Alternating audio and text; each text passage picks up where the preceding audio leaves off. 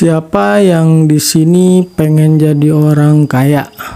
Di konten ini saya akan bahas tentang cara jadi orang kaya dengan mengintip mindset para miliuner.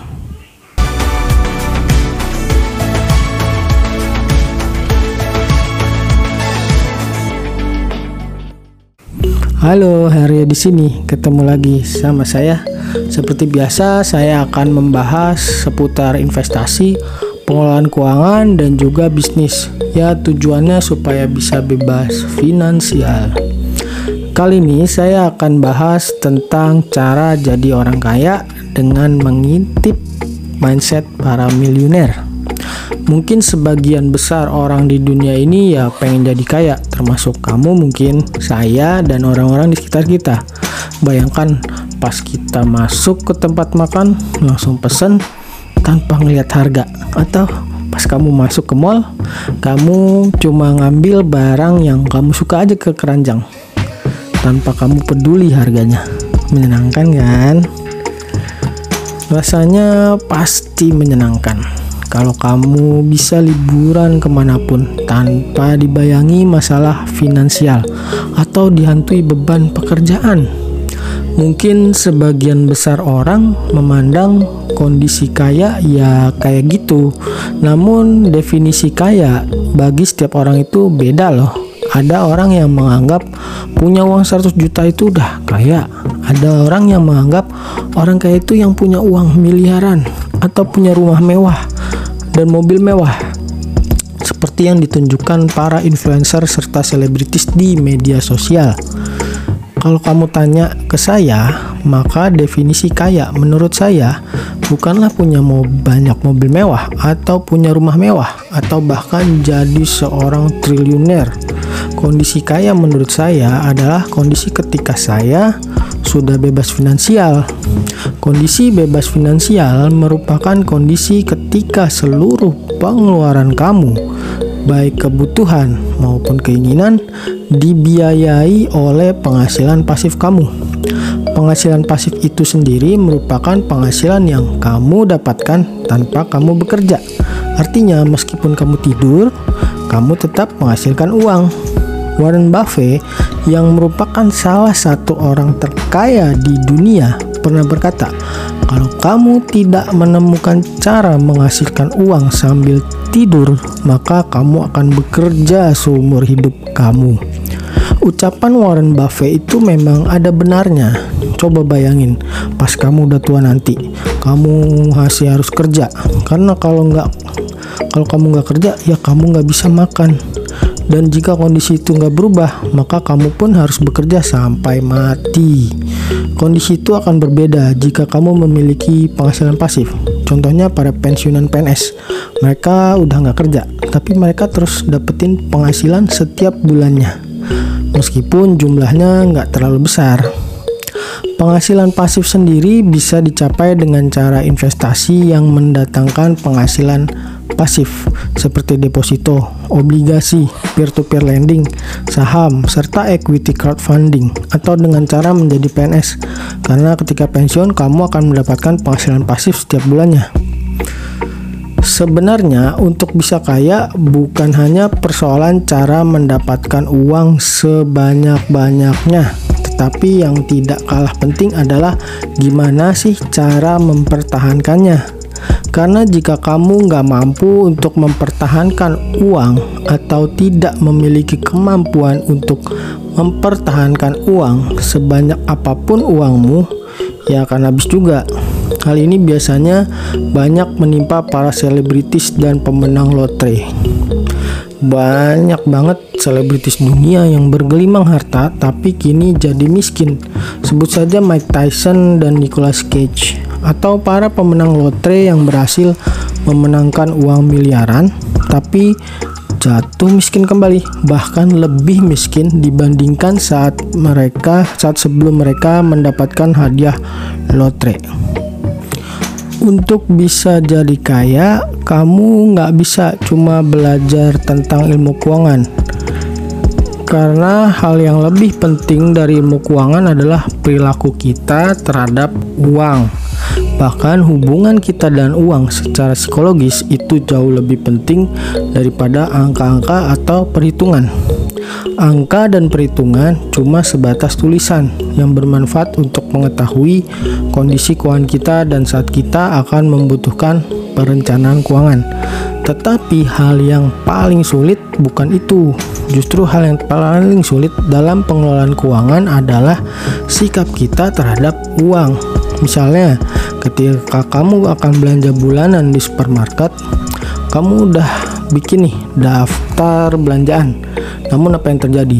Sesampainya di supermarket, kamu malah tergoda dengan barang-barang diskon, tapi nggak ada di dalam daftar yang udah kamu buat.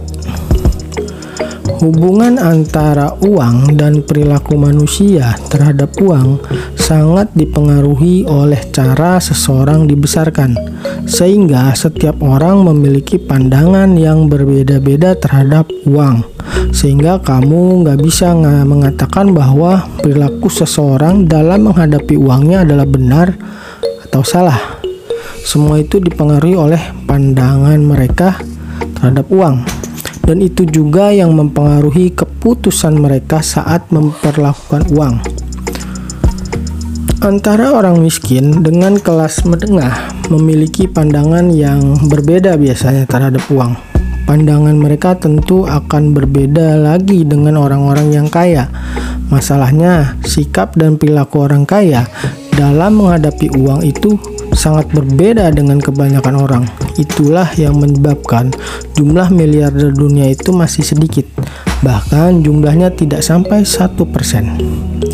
Mereka itu punya cara bermain uang yang berbeda dengan kebanyakan orang. Dan problemnya adalah sebagian besar orang itu tidak bermain uang dengan cara yang sama dengan para miliarder. Kebanyakan dari masyarakat dunia jika kamu ingin jadi orang kaya, maka ikuti cara mereka, cara miliarder itu dalam bermain uang. Meskipun kamu juga nggak bisa mengikuti semua saran tentang uang, karena tentu aja kamu kan dipengaruhi uh, atau dipengaruhi ketika kamu eh, dibesarkan pandangan dan orang tua kamu tentang uang serta cara bermain uh, kamu cara bermain uang kamu ini selama ini kan berbeda cara bermain uang para miliarder itu sebenarnya sih bisa kita dapetin gratis. Cuma memang perlu usaha sedikit keras untuk mendapatkannya. Lain soal ketika kamu memang terlahir di keluarga kaya anak dari keluarga kaya biasanya akan jadi orang kaya juga. Hal ini bukan hanya disebabkan oleh adanya warisan harta dari orang tua mereka. Faktor yang paling mempengaruhi adalah mindset serta cara bermain mereka yang didapatkan dari orang tua dan keluarganya dan hal ini bisa dikatakan sebagai sebuah keberuntungan atau istilah kerennya privilege. Lalu gimana dengan orang-orang yang nggak berasal dari keluarga kaya? Setiap orang punya peluangnya sendiri untuk menjadi kaya. Kalau kamu tidak memiliki privilege, kamu bisa kok mendatangkan keberuntungan kamu sendiri. Karena Keberuntungan itu pada dasarnya merupakan pertemuan antara kesiapan dengan kesempatan. Jadi, kalau kamu ingin meningkatkan keberuntungan kamu, maka kamu harus menyiapkan diri kamu dulu. Itulah kenapa investasi terbaik itu adalah investasi leher ke atas. Kemudian kamu juga nggak perlu tuh iri dengan pencapaian orang-orang di media sosial. Bisa aja itu cuma pencapaian palsu. Setiap orang itu punya waktunya sendiri-sendiri. Nggak perlu iri dengan waktu orang lain. Dan kesabaran serta keuletan itu merupakan kunci. Sayangnya semua orang itu mau kaya, tapi tidak semua orang mau berusaha dan bersabar saya akan memberikan salah satu cara supaya kamu bisa kaya, tapi kamu harus bersabar. Cara itu adalah compounding. Banyak orang kaya yang memanfaatkan compounding ini untuk jadi kaya, di antaranya Warren Buffett dan Lo Keng Hong. Mereka memanfaatkan compounding dalam membangun kekayaannya.